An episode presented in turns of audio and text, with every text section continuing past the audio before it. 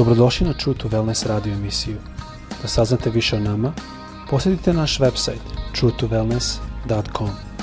A sad, vaš domaćin, dr. Todorović.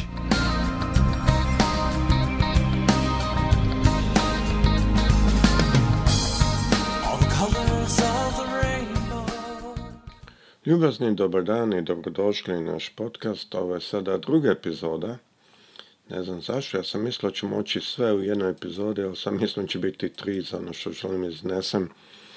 Kao što znate, ja sam, eh, skoro sam molio i gospodin mi pokazao da malo gledam u riječ koja piše u Dela Apostolska deseta glava.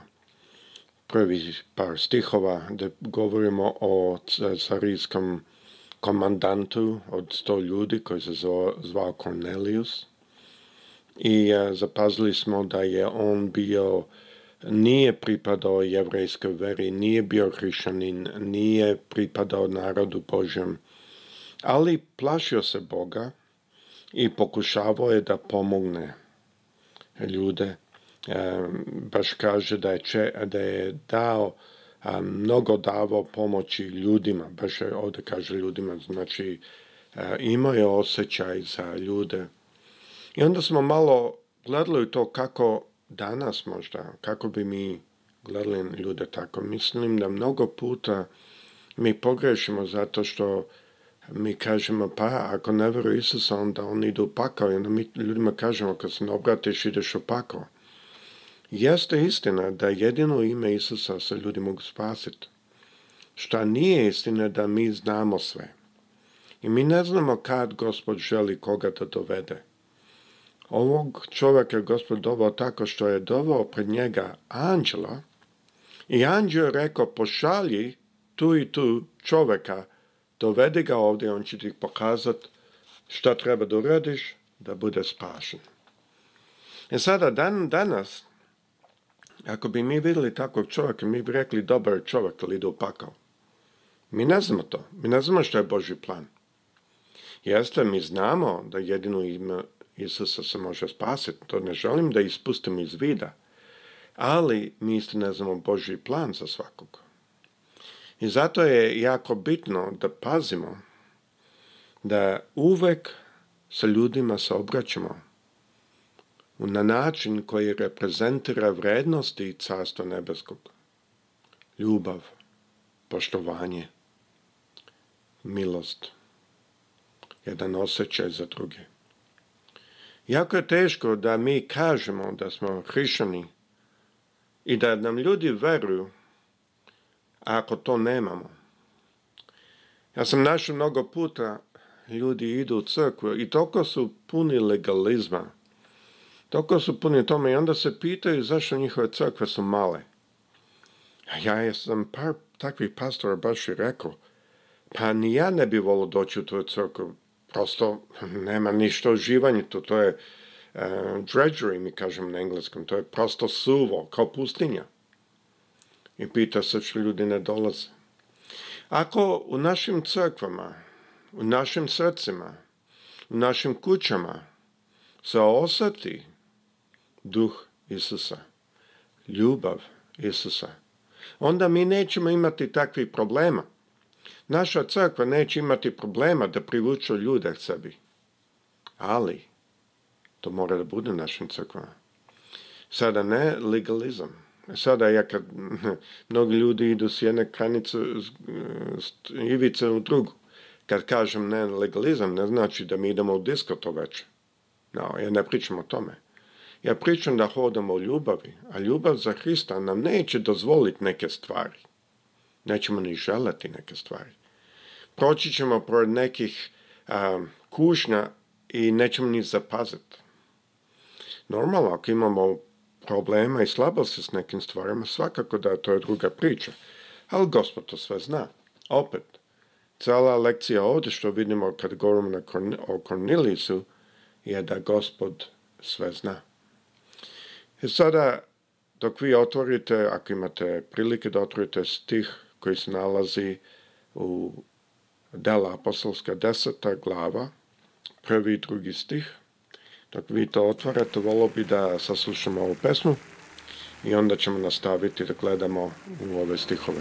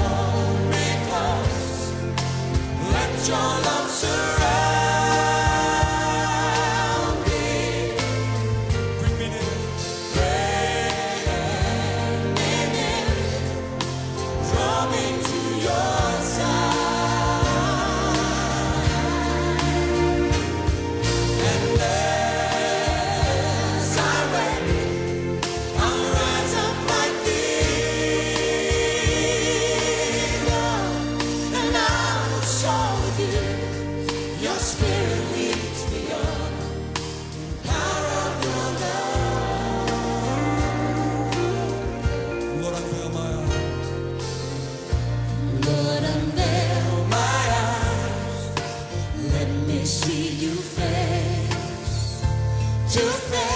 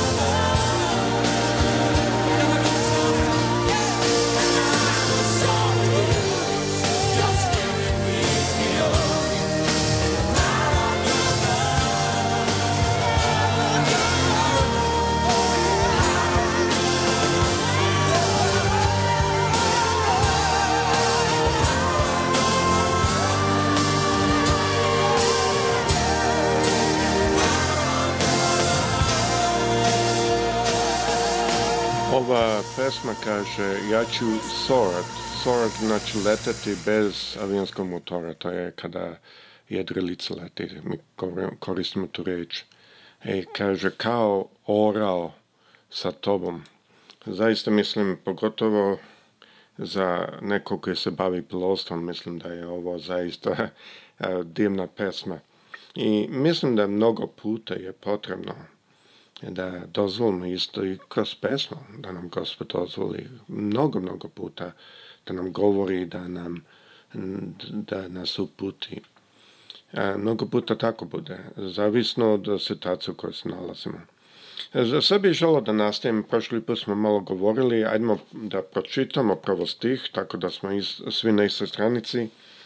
U Kesariji je bio neki čovjek koji imenu Kornilije, kapetan Čete koja se zvala Italijanska. Prošli put smo malo ukazali da ta Četa bilo sto vojnika. Sad nam reč Bože nastavlja, kaže pobožan i bogobojažljiv, kao i svi njegovi ukućani, dao je mnogim milostinje narodu i stalno se molio Bogu. Mi smo prošli put govorili kako on nije evrein, kako nije držao se tradicije, ipak, je, ipak ga je gospod nazvao pobožnim čovjekom. Sad želim da nastavim dalje malo da pogledamo o čemu se ovdje radi tačno. O, ali ovaj čovjek e, bio u gresima, jeste. On je pokušao da radi sve dobro. On je pokušao da Bogu da sve i da, da bude, da se plaši Boga, da bude respektom, mi kažem na engleskom, da poštuje Boga. Ali on je dalje bio u svom grecima. Ali vidimo da gospod je cenio to. Jako je on bio u svom grecima. Mnogo puta mi kao hrišćani kažemo, o ja, umreću u svom grecima. Što vi mislite? Mi nismo bili u grecima. Da nije Božja milosti, mi bi isto bili u grecima. I mi moramo znati da ta vlast greha nije od naše strane nego od džavola. I mi se borimo protiv toga i zato ne trebamo pretiti ljudima sa tim, nego im pokuša, pomoći da se oslobode toga. I mi vidimo kako je posle Petar to i uradio. On nije znao put spasenja. On nije pripadao izabranom narodu, kao što smo prošli put rekli. Ali i dalje je došao anđeo i njemu se obratio. I e, zašto? Zato što je, šta je to što je gospod poštovao? On je pokušao da čini dobro. On je shvatio na kojoj strani spektruma Bog stoji. Da je on dobar Bog, da on Bog ljubavi, da on Bog koji želi da mi pomažemo drugom. On je shvatio to. Jakav vojnik bio. On je tražio da razume i sazna više o Bogu. Zapazite to. Šta je on tražio? Da razume i da zna više o našem gospodu. On je stavio Boga iznad svoje časti, iznad svoje titule i položaja. Nije odgovaralo to doba neko ko je vođa tokih vojnika da bude Bogobojazdan Vojnici nisu canili one koji su bogobojazni, nego one koji su jaki, koji e, su brzi da ubiju druge, koji su brzi da savladaju neprijatelja. Ali on nije dozvolio da išto toga njega obori. On je stojao u svojim vrednostima, ne u onima koje je svet govorio. Zašto ovo iznosim? Zato što mi danas isto moramo shvatiti da drugčije vrednosti stoje u svetu, a drugčije vrednosti stoje u onima koji žive u Hristu. Sada ja nisam rekao u onima koji idu u crkvu. Ima puno njih koji idu u crkvu, a imaju vrednosti sveta. I moramo to paziti jer džava mnogo puta sakrije tu stvari. Na primjer, Jako je dobro da pazim šta jedem i kako se ishranjujem. Ima tu neka vrsta mudrosti. Ali ako ja sada idem i tražim da kupim sve što je organski i sve što je samo najbolje i idem u ekstreme, to znači da to sada nije više jedna razumna odluka, da je to sada nešto što upravlja strah. A strah ne dolazi našeg gospoda. Razmišljajte malo o tome. Ko bi se plašio kada ti je otac sve mogući? Zašto bi se plašio? Već ako možda ne veruješ da je tvoj otac sve mogućni ili da će tvoj otac nešto za tebe raditi. Onda strah dolazi. Tako da vidite da je ista stvar, to jest pazim kako jedem, može da bude previše, a može da bude ispravno. Ispravno u tome što ja pazim, na primjer, ako ja da, znam da danas neću puno se kretat, možda sam i što god, ja neću da ubacim 3000 kalorija. Ja ću paziti da uzmem manje stvari, zato što znam da neću biti u pokretu. Jer znam kako moje telo radi, znam kako je telo što je Bog napravio. Da, to telo je Bog napravio. Ali ja i dalje znam kako je to i onda ću paziti. I gospod zna to. Ali opet neću pretarivati. Znači, on mnogo puta nas hvata sa tih strane. Mnogo puta tako isto gledamo kad neko idu u crkvu. Ovaj Cornelius, jevreji ga nisu prihvaćali. Iako on više radio za siromahe nego oni što su radili. Ali za njih on je bio neznabožac. Kad je Petar otišao u njegovu kuću, posle toga jako imao problema a i mnogi oni koji su otišli sa Petrom nisu htjeli da uđu odmah. Imaju problema da objasni hrišanima zašto, kako je on smeo da odu u kuću bez nabožaca. Zaista čudno kada gledamo da je Isus većinom svog vremena proveo sa grešnicima i carinicima. Nemam sada vremena da uđem u stih treći i četvrti, kada pročitam želo bi da malo nastavim e, u tom pogledu, ali mislim da je jako bitno da shvatimo da današnji pogled koji mi imamo u crkvama nije pogled koji se ovdje pokazuje. Današnji pogled, mi smo došli manje više na, isti, isto mjesto te su bili, bili fariseji. Određene stvari cenimo, čak neki put, pogotovo ovdje na zapadu, kako se neka oblači, mi to cenimo ili ne cenimo, koliko imaju novca, mi cenimo ili ne cenimo. Oni ovdje neće da kažu da vas oni cene radi novca, oni će reći nešto u smislu kao vidi kako te Bog blagoslovio. A to je stvari duhovni e, način da se kaže gle koliko novca imaš. To mi je malo čudno, znajući kako crkva i gospod govore o novcu. Malo mi je čudno da mi tako gledamo, ali tako gledamo. Na to smo došli. I tako da ako gledamo mnoge stvari što su bile udala kad je Isus bio na zemlji, što su fariseji činili, i nemojte zbroj, fariseji su živjeli ispravan život. Tako i mi isto danas gledamo. A, on je beznabožac. O, on je carinik. O, ti ne znaš ko je ona ili on. A mi vidimo ovdje da gospod gleda dručije, on ne gleda status, on gleda srce. Kornilije je bio čovjek koji je bio ponizan, koji je spreman bio da spusti svoju čast koju on imao i autoritet čak i da to da na službu Bogu. I on je spreman da pomogne ljudima, iako možda on izgleda slabiji. I u očima svojih vojnika izgleda slabiji, ali on je i dalje htio da pomogne ljudima. Nemojmo izgubiti tu vrednost. Nemojmo zaboraviti karakter Boži Mnoge naši crkva imaju svoje očekivanja, ali ta očekivanja mogu, ali ne moraju uvek biti u karakteru Božem. Mnogo puta ta očekivanja su u jednom legalističkom duhu, koji jeste, naime, žrtvuje stvari za Boga, ali jedna sistematska razlika je da je ta žrtva bez ljubavi i bez radosti. Zato hodamo čvrsto kao što je Kornilije hodao, Gledajući na Boga i ne gledajući ništa oko nas, ne gledajući šta gubimo, koju titule gubimo, koje stvari gubimo, nego radeći ono što znamo da Gospod želi. I Gospod će nas blagosloviti.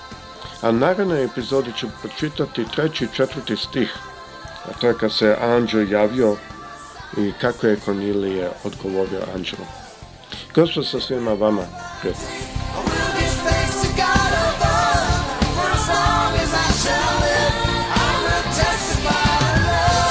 Slušajte True to Wellness radio emisiju.